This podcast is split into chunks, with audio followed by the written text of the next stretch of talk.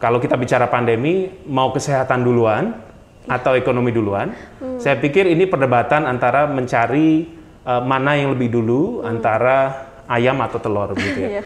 Dan ini menjadi fenomena yang kemudian pertama kita perlu melihat kita belum tahu sampai kapan. Betul. Karena saya percaya dan sobat ngalir semuanya juga pasti percaya bahwa tidak ada satupun negara di dunia ini yang bersiap-siap menghadapi pandemi pada tahun hmm. 2019, 2020 atau bahkan sampai sekarang.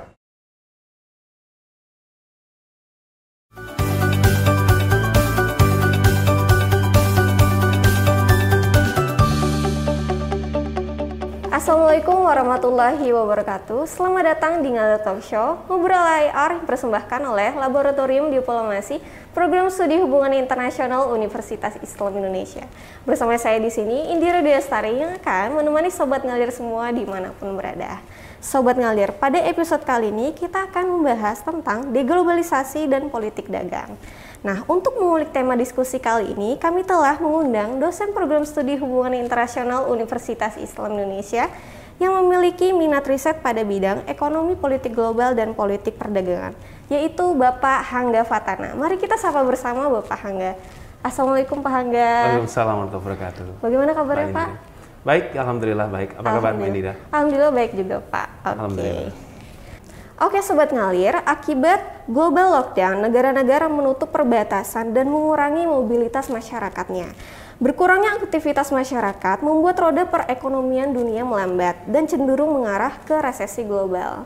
Dampak ini juga dirasakan oleh perusahaan yang memiliki operasi global. Mereka terpaksa untuk melakukan resoring atau melakukan operasi perusahaan di negara asalnya. Nah, penutupan pabrik di host country juga menyebabkan banyak orang kehilangan pekerjaan. Nah, bagaimana perkembangan dan dampak lainnya?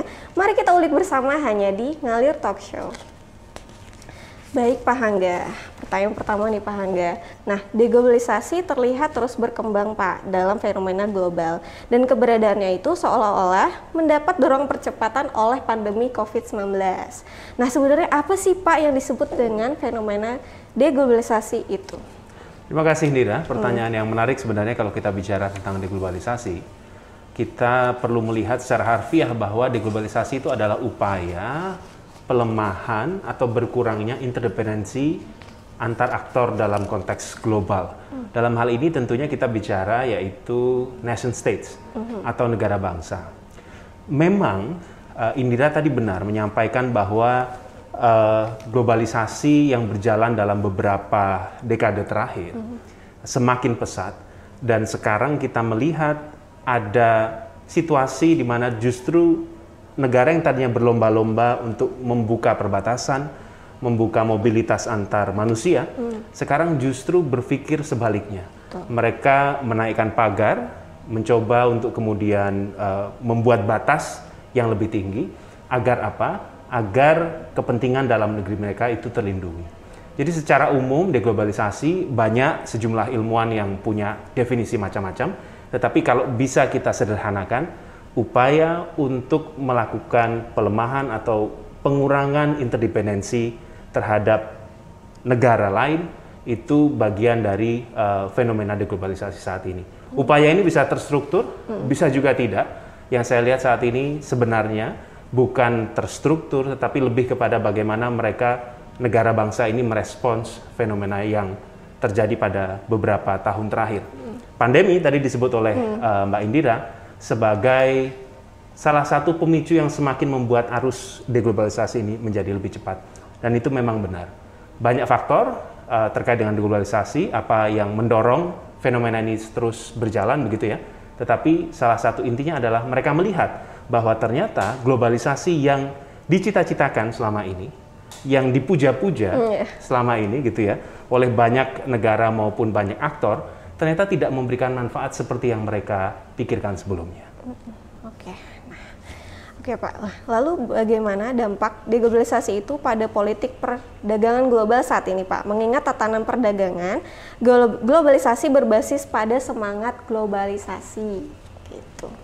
Betul, ini menarik sebenarnya Mbak Indira dan Sobat Ngalir ya. Mm-hmm. Kita melihat deglobalisasi ini pertama dulu ini bukan sekadar ekonomi.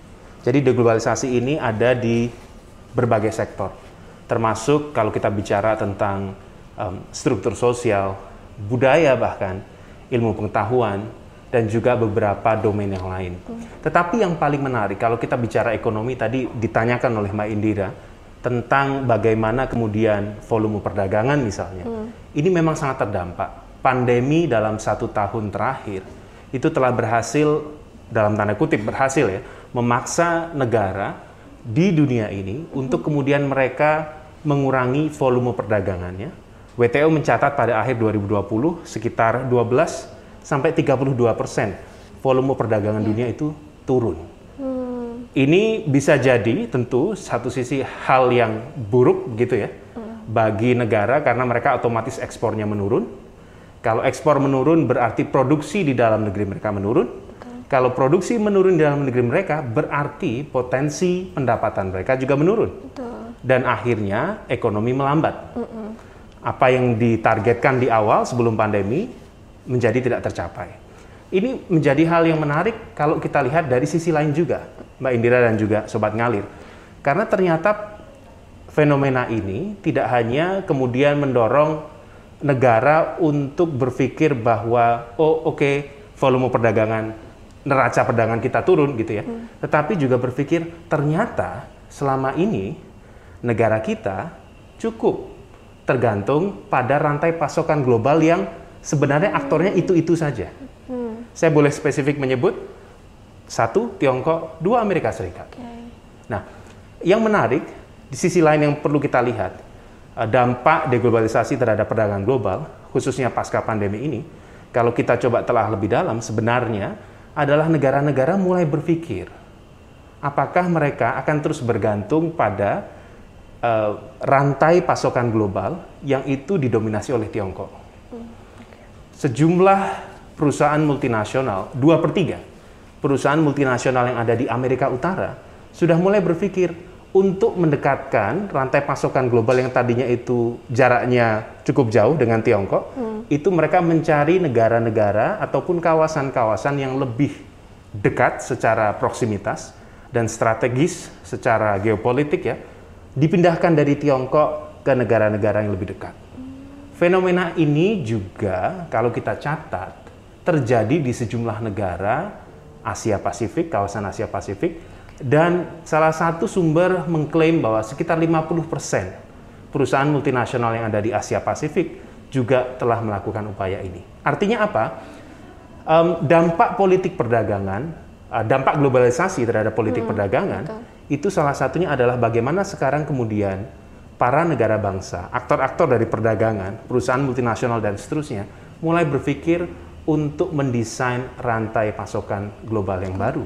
Tidak hanya bergantung pada negara-negara dengan kekuatan atau kekuasaan struktural yang selama ini kita pelajari hmm. di berbagai banyak jurnal dan buku yeah. telah menjadi uh, aktor utama dari perdagangan internasional. Oke, baik Pak. Oke, pertanyaan selanjutnya nih Pak Apakah pandemi mendorong proses deglobalisasi secara signifikan?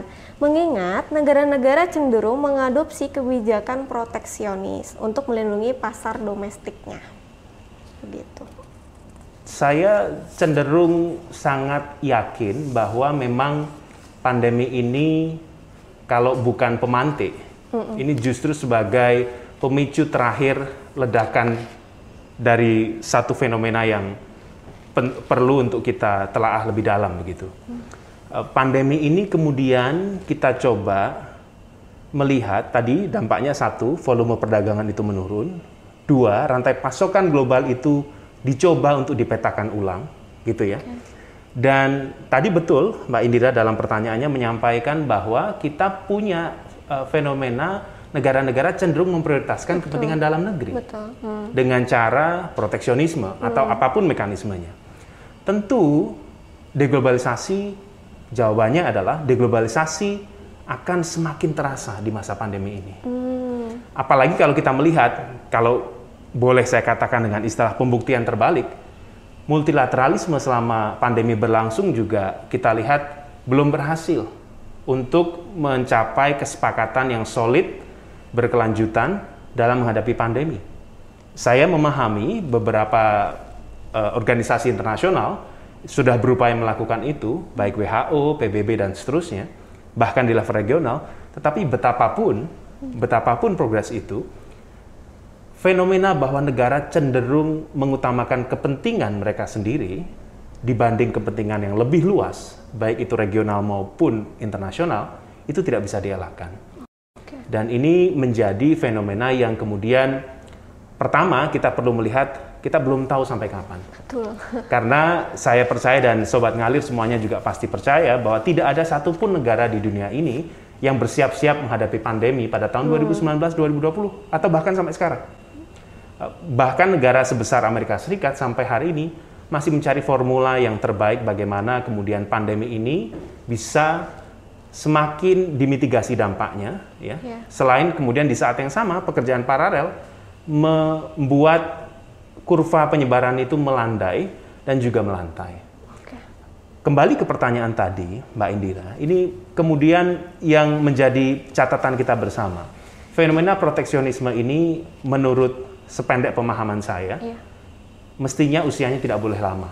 Hmm. Kalau kita ingin rezim perdagangan global terus bertahan, karena kalau negara terus kemudian mengutamakan kepentingan dalam negeri tanpa juga berpikir konsekuensi-konsekuensi dalam konteks perdagangan regional maupun global, maka rantai pasokan global yang tadinya mau didesain ulang hmm. boleh jadi tidak lagi muncul, tidak lagi dapat hadir sebagai satu apa penjamin begitu proses bisnis global yang ada di dunia ini begitu sehingga eh, dengan kata lain saya sebenarnya enggan mengatakan hancur begitu ya hmm. tapi kita bisa melihat kalau proteksionisme itu terus berjalan yeah. ini menjadi hal yang cukup harus kita antisipasi secara serius sehingga beberapa negara yang mungkin sobat ngalir dan juga Mbak Indira catat hmm.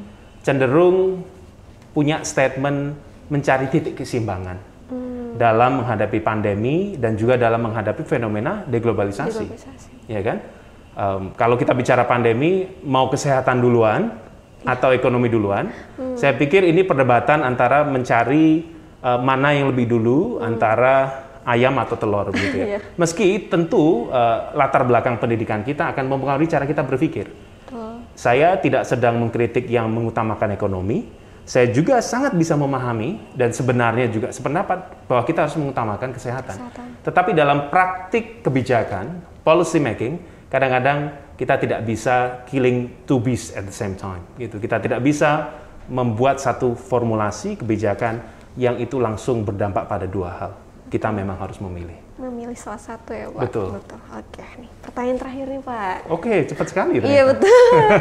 Oke Pak. Nah, melihat fenomena deglobalisasi baik. tersebut, lalu dampak apa yang dirasakan baik itu secara langsung maupun tidak langsung nih Pak bagi uh, Indonesia. Nah, berdasarkan dampak-dampak tersebut, menurut Pak Hangga, Nah, strategi apa yang perlu Indonesia lakukan agar bisa bertahan dan tetap tumbuh dalam fenomena deglobalisasi tersebut? Terima kasih Mbak Indira. Dampak yang pertama jelas volume perdagangan akan menurun. Ya. Meski kalau kita catat beberapa bulan lalu Kementerian Perdagangan kita itu mengatakan bahwa perdagangan kita surplus. Sebenarnya yang terjadi kalau saya tidak keliru membaca data, hmm. bukan sekadar surplus. Surplus itu artinya adalah ekspor lebih tinggi dibanding impor kan begitu. Yeah. Tetapi yang terjadi sebelumnya, sebelum pandemi berlangsung kan kita defisit perdagangan. Mm. Impor lebih banyak dibanding ekspor, yeah. ya kan? Yang terjadi karena volume perdagangannya turun, ternyata impornya turun lebih banyak dibanding ekspor. Mm. Sehingga terjadilah surplus. Jadi ini ada dua makna surplus yang kemudian uh, perlu kita lebih teliti lihat. Yang pertama itu tadi, ya, adalah volume perdagangan menurun. Yang kedua dalam konteks deglobalisasi, kita juga perlu melihat kalau tidak dalam konteks ekonomi, sebenarnya deglobalisasi ini di luar pandemi juga banyak ditenagai oleh maraknya politik populisme. Hmm, okay. Mungkin Mbak Indira masih ingat kan, ada sejumlah negara, baik itu negara maju maupun sejumlah negara berkembang, yang mana kemudian pesta demokrasi mereka hmm. itu cenderung dimenangkan oleh mereka yang berpihak pada populis. Kira-kira begitu. Hmm. Um, apa yang kita lihat di Filipina misalnya yeah. dengan Duterte, Bolsonaro dan juga Donald Trump misalnya. Meski sekarang sudah ada Joe Biden, mm -hmm. ini tidak bisa kita coret begitu saja atau kita exclude gitu ya, kita keluarkan dari gejala-gejala deglobalisasi yang muncul bahkan sebelum pandemi. Nah, sebenarnya kalau tadi kita tarik di awal, dampaknya apa saja kan? Kan ini pertanyaannya yeah. itu. Kita tarik di awal tadi, sebenarnya deglobalisasi itu apa? Kalau kita kemudian melihat bahwa deglobalisasi itu adalah ekspresi kekecewaan mm. para aktor, baik itu negara maju maupun negara berkembang, yeah. dalam melihat ekspektasi mereka yang tidak tercapai akibat globalisasi mm. ini atau dari hasil proses globalisasi ini, maka kita cenderung perlu untuk melihat bahwa apa yang terjadi dengan konteks politik populisme tadi mm. Boleh jadi langsung atau tidak juga dapat terjadi di negara kita, mm. gitu. Meski saya tidak akan mencoba menganalisis lebih dalam sudah atau belum begitu ya. Hmm. dan siapa yang populis siapa yang tidak. Tetapi itu perlu kita antisipasi. Jadi di bidang pol, di bidang ekonomi yang pertama tadi uh, volume perdagangan menurun dan otomatis sebenarnya juga sebelum saya sebutkan adalah penanaman modal juga cenderung akan mungkin sedikit terganggu begitu ya atau setidaknya kalau kita enggan mengatakan terganggu penanaman modal akan melakukan atau terdapat sedikit penyesuaian begitu. Dan yang kedua, kita perlu melihat dampak jangka panjang bagaimana kemudian politik populis menjadi semakin uh, marak begitu. Dan yang ketiga sebenarnya bagi saya justru pada aktor yang lebih uh, mikro, yaitu pada diri kita sendiri begitu, pada individu sebagai warga negara, kita perlu melihat bahwa um, dalam konteks ini deglobalisasi juga secara langsung ataupun tidak akan mempengaruhi cara berpikir kita di masa yang akan datang. Yeah. Um, saya lahir ya dibesarkan dengan mimpi-mimpi yang dibentuk oleh struktur sosial saya. Saya yakin Mbak Indira juga bahwa uh, bentuk yang ideal dari generasi kita adalah yang punya wawasan global, hmm, ya kan? Yeah. Definisi wawasan global itu kan sangat luas ya sebenarnya. Yang punya wawasan luas, bahkan kalau secara harfiah ya kita ingin mengatakan orang yang wawasannya luas rata-rata traveling mm. dengan frekuensi yang cukup besar Betul. gitu ya.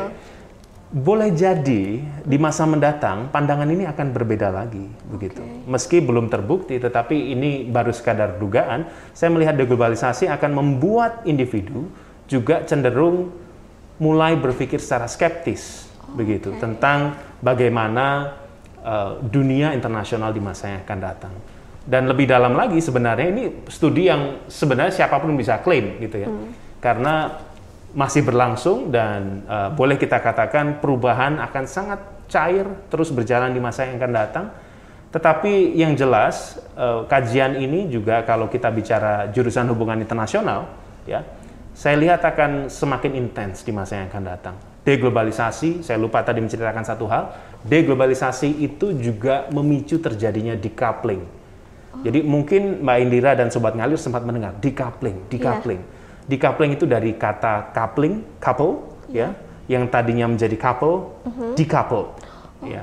Siapa couple itu? Itu adalah Amerika Serikat dan juga Tiongkok.